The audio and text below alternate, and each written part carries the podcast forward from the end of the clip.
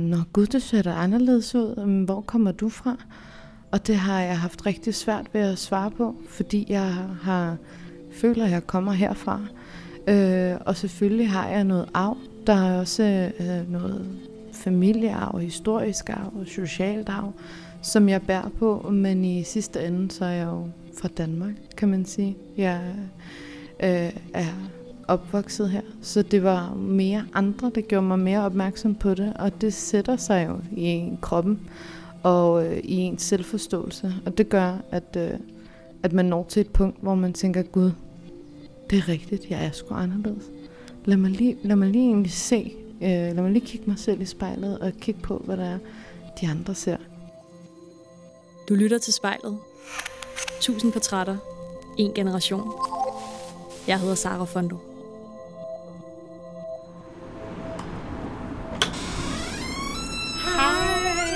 Og velkommen.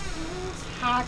Dejligt at måtte komme. Ja, selvfølgelig. Jeg har ikke rigtig noget hjem, som Kender. jeg Det har jeg. Så, øh. Så, øh, så har vi da det til fælles. Ja, lige præcis. Men bor du så her midlertidigt? Nej, det gør jeg ikke. Nej, okay. Jeg bor sådan lidt hos min bror, lidt hos mine forældre. Jeg skiftes lidt. Ja.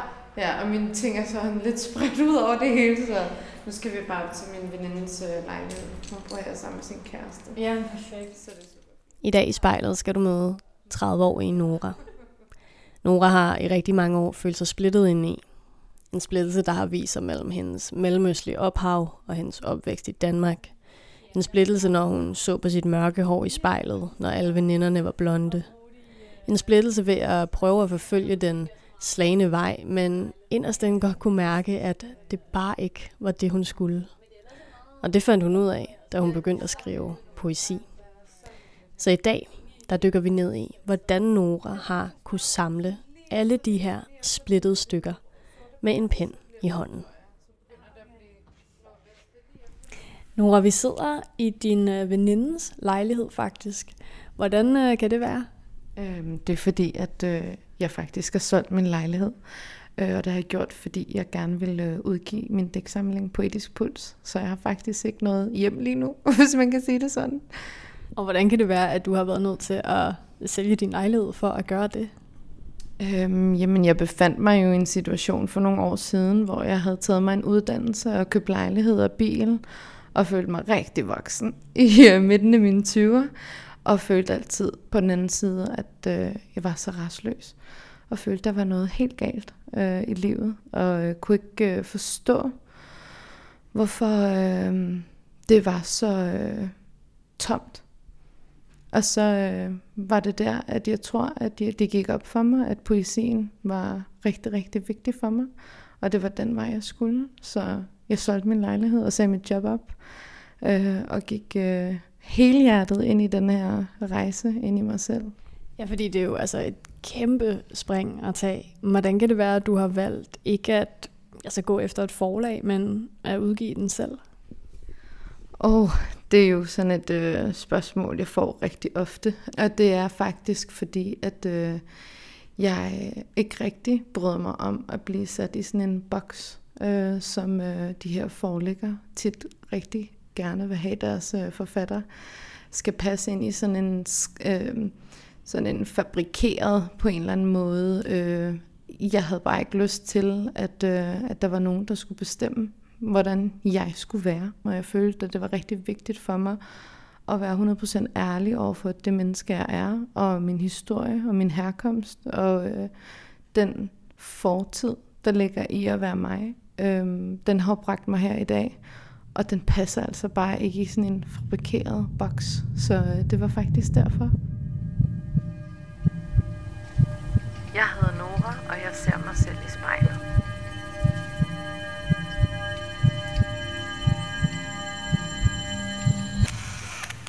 Nora, du har udvalgt et digt, Ja. som øh, jeg synes, du skal have lov til at læse op her til at starte med. Det her digt, det hedder Inspirer mig. Jeg blev ved med at lede efter sjæle med samme natur som min egen refleksion. Hvor mit mørke hudfarve ikke er tildækket af skam. Hvor jeg kan se mit sorte hår som en digters blæk. Og hvor bakken på min næse er et minde om arven fra mine rødder.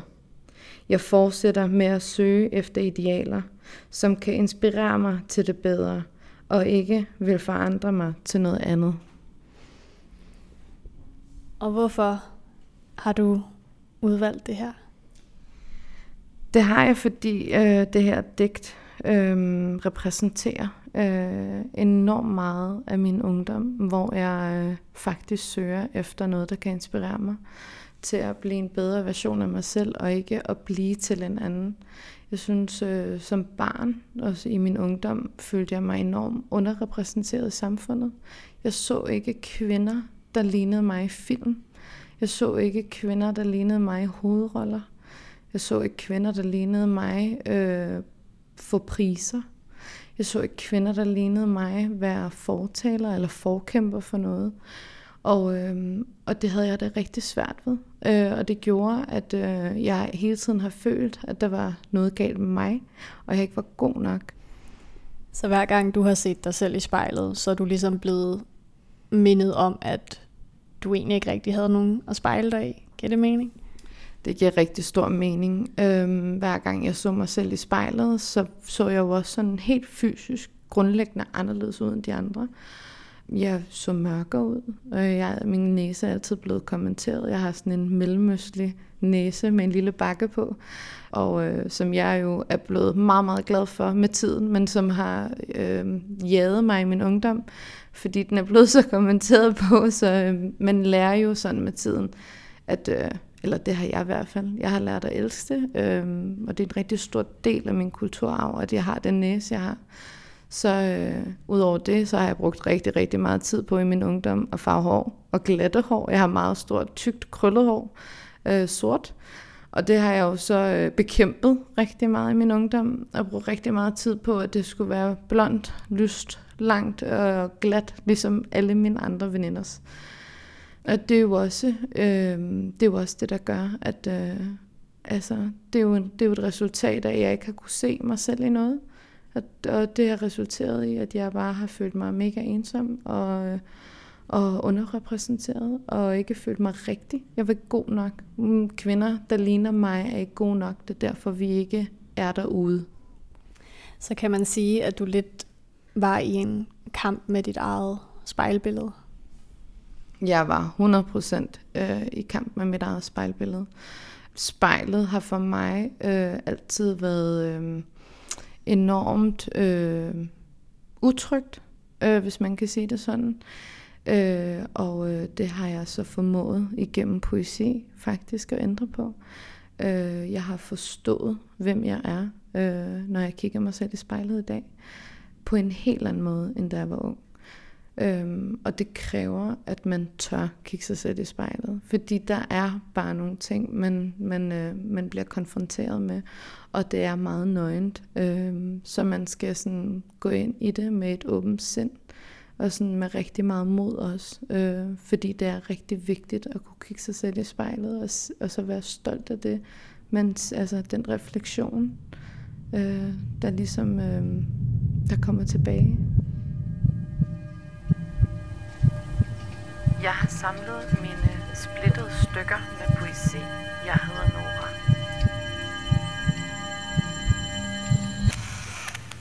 Og jeg ved jo, at den her poetiske side af dig formentlig altid har været en del af dig. Man kan måske sige, at den har været sådan uh, latent. Men du har været nede ad nogle forskellige veje. Jeg ved, du har været rigtig splittet. Og, og den her splittelse kunne jeg godt tænke mig, at vi dykker lidt mere ned i. Mm. Så hvis du skal prøve at sætte dine egne ord på splittelsen, du har oplevet, hvor starter den hen? Jeg tror, splittelsen starter, når jeg øh, forlader det sted, jeg er født i. Jeg er ikke født i Danmark. Jeg er født i øh, øh, Sulamania, i, øh, som ligger i det nordlige Irak, øh, i de kurdiske områder. Øhm, og, øh, og der kommer jeg, øh, der er mine forældre, og det er, det er der, de har boet, det er der, de er vokset op. Og øh, min far, han øh, er pacifist i starten af 90'erne og slut 80'erne, øh, og øh, han flygter så fra, fra hans land og øh, ender i Danmark. Og det gør jo, at jeg og min bror øh, bliver familiesamført øh, tre år efter. Og øh, det er den første splittelse. Det er jo ikke, når jeg kommer her. Det er jo også, at jeg bliver splittet. Altså, familien bliver splittet. Øhm, og jeg tror, at, øh, at sådan nogle traumer, eller traumer gem, øh, glemmer kroppen ikke. Øhm, så jeg tror ikke engang, at jeg er bevidst omkring øh, de der første øh, den, de der første øh, gangsoplevelser, hvor jeg oplever, at det bliver splittet. Så bliver jeg først splittet i min familie, og så bliver jeg splittet fra det land, jeg kommer fra. Så starter jeg jo et nyt liv her. Og, øhm, og det sætter jo så et kæmpe præg på det menneske, jeg kommer til at blive. Så det er der, det starter, tror jeg. Og hvis vi så ligesom skal, skal snakke om det menneske, du kommer til at blive. Altså når du ligesom bare har gået rundt i din hverdag her i Danmark, i dit ungdomsliv og sådan noget. Hvordan har du så kunne mærke den splittelse, der allerede startede fra da du var lille af? Jeg tror egentlig ikke, jeg har været bevidst om det, øh, at jeg har været anderledes, før andre prioriterede det. Øhm, jeg har altid bare følt mig som en del af alting, indtil jeg blev spurgt sådan, eller blev gjort opmærksom på sådan, Nå gud, det ser da anderledes ud, øhm, hvor kommer du fra? Og det har jeg haft rigtig svært ved at svare på, fordi jeg har føler, at jeg kommer herfra. Øh, og selvfølgelig har jeg noget arv. Der er også øh, noget familiearv, historisk arv og socialt arv, som jeg bærer på, men i sidste ende, så er jeg jo fra Danmark, kan man sige. Jeg øh, er opvokset her, så det var mere andre, der gjorde mig mere opmærksom på det, og det sætter sig jo i kroppen og øh, i ens selvforståelse, og det gør, at, øh, at man når til et punkt, hvor man tænker, Gud, det er rigtigt, jeg er sgu anderledes. Lad mig lige, lad mig lige egentlig se, øh, lad mig lige kigge mig selv i spejlet og kigge på, hvad der er, de andre ser. Og øh, det er der, jeg bliver gjort rigtig opmærksom på, at jeg ikke er som de andre. Og det skaber igen enormt meget splittelse inde i mig. Jeg føler mig splittet, fordi at øh, jeg føler ikke, at jeg, det er mig, der definerer, hvem jeg er. Jeg føler, at det er andre, der definerer, hvem jeg er. Og det, så føler man jo også, at man mister kontrol. Og øh, det skaber angst. Og det gør jo, at øh, jeg har levet et ængstligt øh, ungdomsliv, øh, hvor jeg har følt mig... Jeg har været meget rebelsk, gjort hvad der passede mig, øh, og til tider ikke altid, har ikke altid været en god idé at være så rebelsk. Men øh, det har jo også gjort, at øh, det var min måde at tage kontrollen tilbage på. Så hvornår har du følt dig allermest ude af kontrol? I min, de seneste teenageår, der var jeg rigtig rådløs. Altså jeg var virkelig, altså det var mig, der satte dagsordenen, og det var mig, der sådan, det jeg skulle bare vise, at øh, det var mig, der var, der var ilden i, i hjemmet. Øhm, men, øh, og det resulterede i, at øh, jeg på et tidspunkt faktisk fik nok af at være så rebelsk. Så øh, jeg spurgte min far en dag, jeg sagde, øh, far, kan vi ikke... Øh, kan vi ikke lave en aftale om, at øh, jeg tager et par måneder til hjem til mormor og øh, besøger hende øh, og havde det her sabbatår. Og så øh, tog jeg hjem til min mormor og øh, var hos hende i nogle måneder. Og det var sådan, det var det, der gjorde, at øh, jeg faldt lidt til ro i min ungdom. Øh, jeg så hende leve det her simple liv. Øh, hun er analfabet, og hun vidste faktisk kun, hvad klokken var øh, igennem Øh, den daglige bøn i moskeen, altså når de kalder til bøn, ikke også? Så øh, det satte virkelig tingene i perspektiv for mig, og den måde, hun sådan var så vis på, og var så, øh, hvad kan man sige, dyb. Hun havde en enorm dybde, som øh, jeg ikke havde mødt før. Øh, og det var det gjorde, at hun så mig på en anden måde. Øh, og øh, det var det, jeg havde brug for. Og jeg tænker, det så næsten må have været altså i, hvad der oprindeligt var din hjemby i Irak. Ja, lige præcis. Hvordan var det så for dig ligesom at komme tilbage til det sted, du ellers var flygtet fra i en så ung alder? Øhm, det gjorde jo, at øh, det satte en masse tanker i gang. Da jeg kom tilbage, var jeg jo næsten sådan, hvad er det, hvorfor er jeg her, øh, og hvorfor, øh, altså der var bare så mange spørgsmål. Og det gjorde, at øh, jeg tænkte, mm, det her, det kan ikke kun være mig, der synes, det her er svært det kan ikke kun være mig, der synes, at øh, denne her måde at øh, være splittet på. Øh, det kan ikke kun være mig, der føler det her. Øh, og jeg tænkte, og det var også derfor, at øh, jeg uddannede mig til at hjælpe andre mennesker, og jeg er uddannet lærer. Øh, og øh, jeg tænkte, at jeg skal hjælpe de unge øh, med at øh, finde deres vej i livet, fordi jeg ved selv, hvor svært det har været at finde min vej i livet. Jeg manglede nogen at spejle mig i, så jeg blev selv spejlet. Jeg hedder Nora.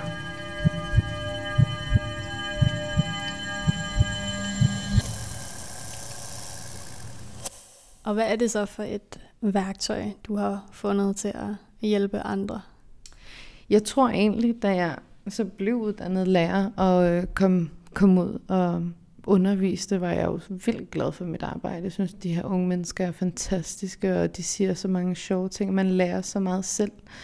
Men, men der, hvor jeg synes, at øh, det var helt... Øh, det var, hvad kan man sige... Øh, det skiftede for mig på et tidspunkt. Jeg gik fra at være sådan, jeg skal ud og redde verden, til at føle, at jeg faktisk skulle redde mig selv. Øh, og det lyder sådan lidt underligt, når man siger det på den måde, men jeg gik, jo, jeg gik jo ind i lærerfaget, fordi jeg tænkte, at jeg skulle ud og hjælpe. Men jeg havde jo faktisk ikke hjulpet mig selv færdigt. Altså den rejse, den var jo, det var jo kun begyndelsen, øh, jeg var på og, øh, og skulle finde det her værktøj til at komme videre. Og jeg har jo altid skrevet digte, jeg har altid skrevet sange som barn. Jeg har bare aldrig tænkt, at nogen gad læse det, eller at andre mennesker faktisk fik noget ud af at læse det, jeg skrev. Øh, og det giver jo rigtig god mening, at det gør det, for det er jo det, andre forfattere har gjort for mig. Så, øh, så det, er, det er poesien, der virkelig har, har rykket mig til, til et bedre menneske. Det har været for det første terapeutisk for mig at skrive. For det andet, så har det også øh, det har dannet bro mellem sådan min bevidsthed og så ind, i, ind til hjertet, kan man sige. Jeg kender mig selv meget bedre, fordi jeg skriver. Øh, og det visualiserer øh, min eksistens på en eller anden måde.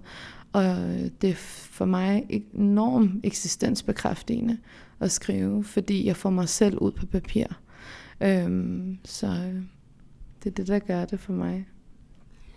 Og var der ellers altså en konkret begivenhed, hvor det ligesom går op for dig sådan, hov, jeg er sgu ikke helt klar til at hjælpe andre endnu, fordi der er lige noget, jeg skal have styr på ved mig selv først? Ja, det er der faktisk. Øhm, for nogle år siden, jeg tror det var i 2018, øh, der tog jeg til Grækenland og var virkelig, virkelig, virkelig restløs i mit liv. Jeg kunne simpelthen ikke finde ud af, hvad der var. Jamen, nu havde jeg jo, altså, nu havde jeg jo job, og jeg havde min økonomi på plads, og jeg havde lejlighed, og jeg havde bil. Hvad, altså, jeg var ude at rejse hver, hver ferie, og jeg var sådan, hvad er der med dig? Hvad er det, der ligesom ikke kan mætte dig? Øh, hvad er det, du sådan higer efter? Og jeg var bare så sådan ulykkelig, men også nysgerrig på, hvorfor jeg var så restløs, og jeg havde bare ikke fundet ud af, hvad der gjorde, at øh, jeg, øh, jeg ikke kunne finde den ro, jeg, jeg nu havde søgt i så mange år. Og øh, der gik jeg rundt i Grækenland og tænkte, nu skal jeg læse en masse græsk filosofi. Øh, og det gjorde jo så, at, øh, at man får en lille smule øh, mod til at kigge lidt mere indad og tænke på livets, øh, sådan, hvorfor er jeg her? Hvad er det egentlig meningen med mit liv er? Og hvad er det, jeg gerne vil huskes for? Hvad, hvordan kan jeg gøre så meget gavn af det lille liv og den lille tid, jeg er på den her jord? Og øh, det er jo store spørgsmål. Det kan jo tage flere år at besvare. Så det er jo ikke fordi, jeg kom hjem med alle svarene. Jeg har jo stadig ikke svarene på meget af det i dag.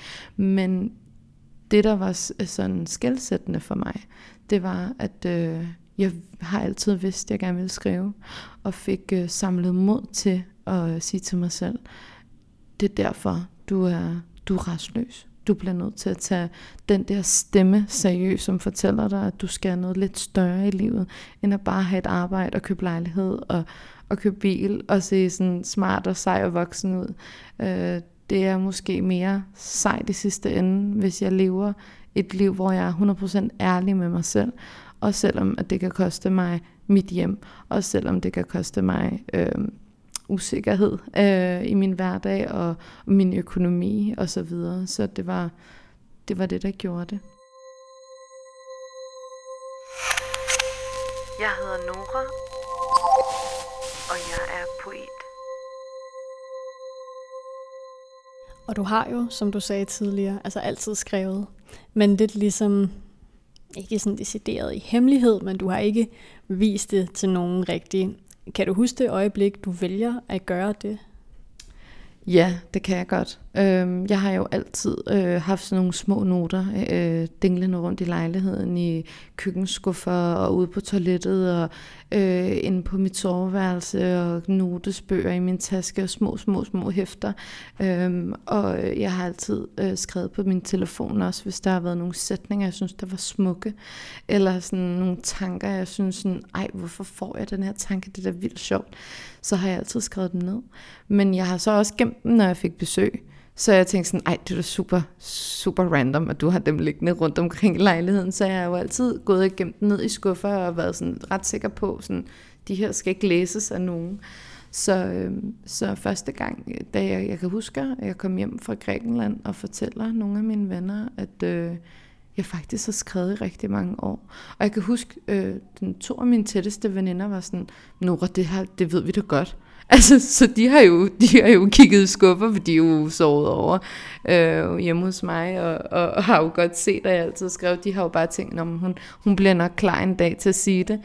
Øh, men, men med de andre, der, øh, der har jeg der har det været virkelig, det har taget rigtig meget mod at sige, hey, vil du ikke lige, jeg har skrevet det her digt, har du lyst til at læse det?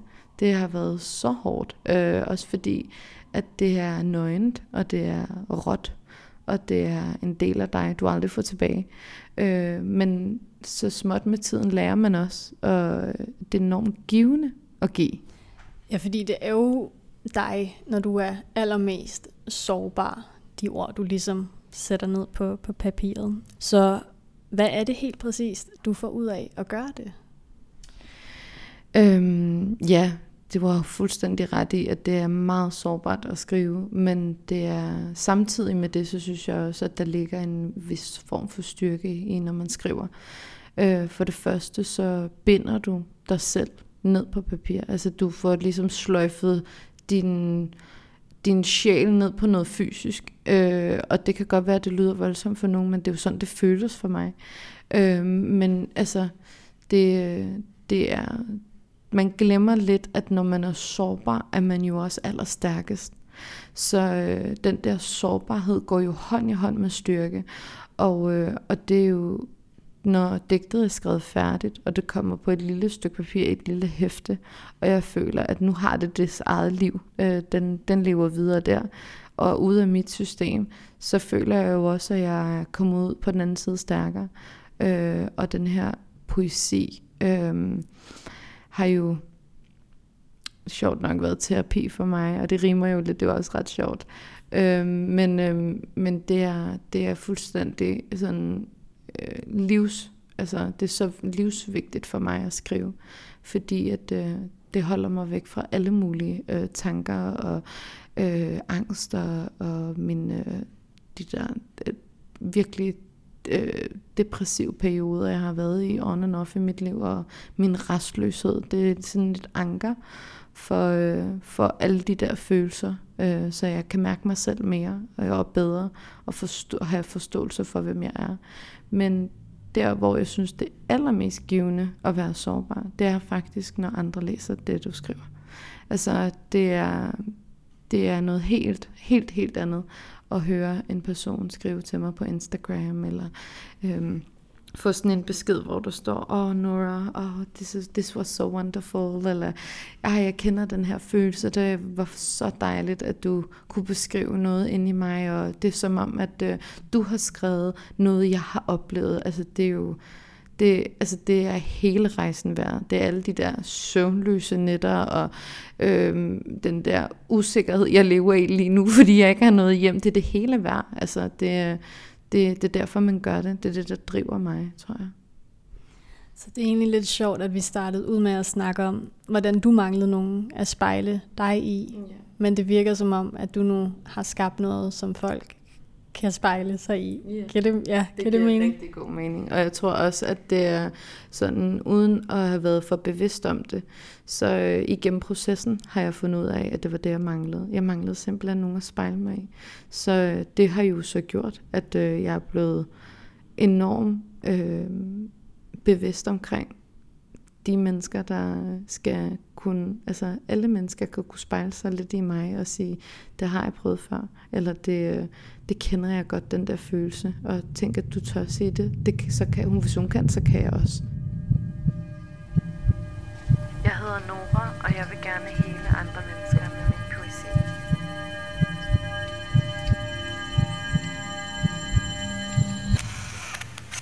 Og det er jo sådan omtrent tre års tid siden, at du ligesom valgte at gå all in på, på poesien.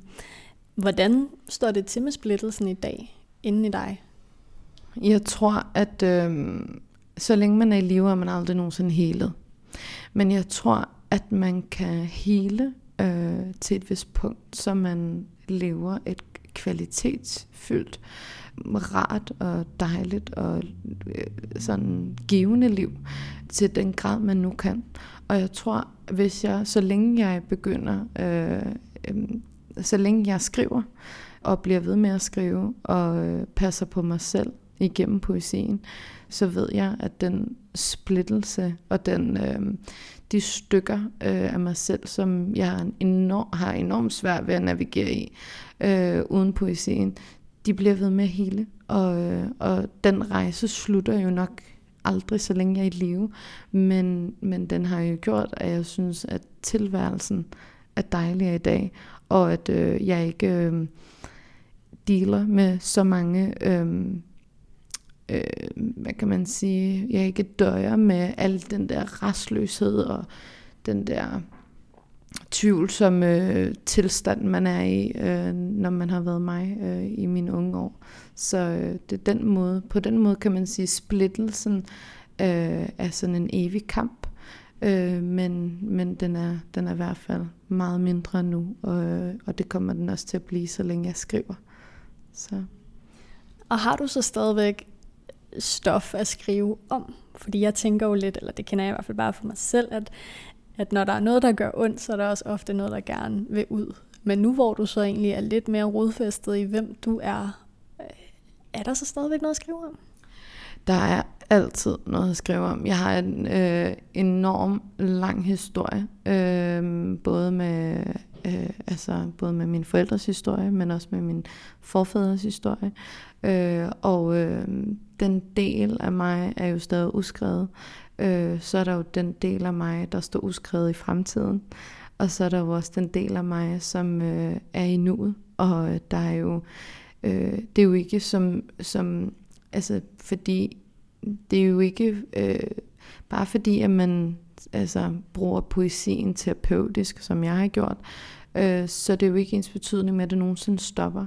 Livet øh, tager jo også sin gang, og man oplever jo, at jeg har jo ikke kontrol over, hvad der sker i mit liv. Så, øh, så jeg vil jo altid bruge det som øh, min måde at navigere på. Øh, fordi altså, det, livet tager jo sin gang, og det kan jeg jo ikke, har jo ingen kontrol over. Men der, hvor jeg kan tage kontrollen tilbage, det er jo igennem poesien. Så øh, poesien er jo ikke kun for mig et, et spørgsmål om at, og, øh, hvad kan man sige, øh, give mig et fundament. Det er jo også en måde, det er mit kompas i livet. Så den kommer til at følge mig, og, og livet, det udspiller sig jo, jeg ved jo ikke, hvad der sker. Så på den måde kan man sige, det, det, det vil følge mig, øh, til jeg bliver gammel forhåbentlig. Og er der en, en retning, det her kompas peger i, har jeg lyst til at sige. Hvor, hvor er du på vej hen?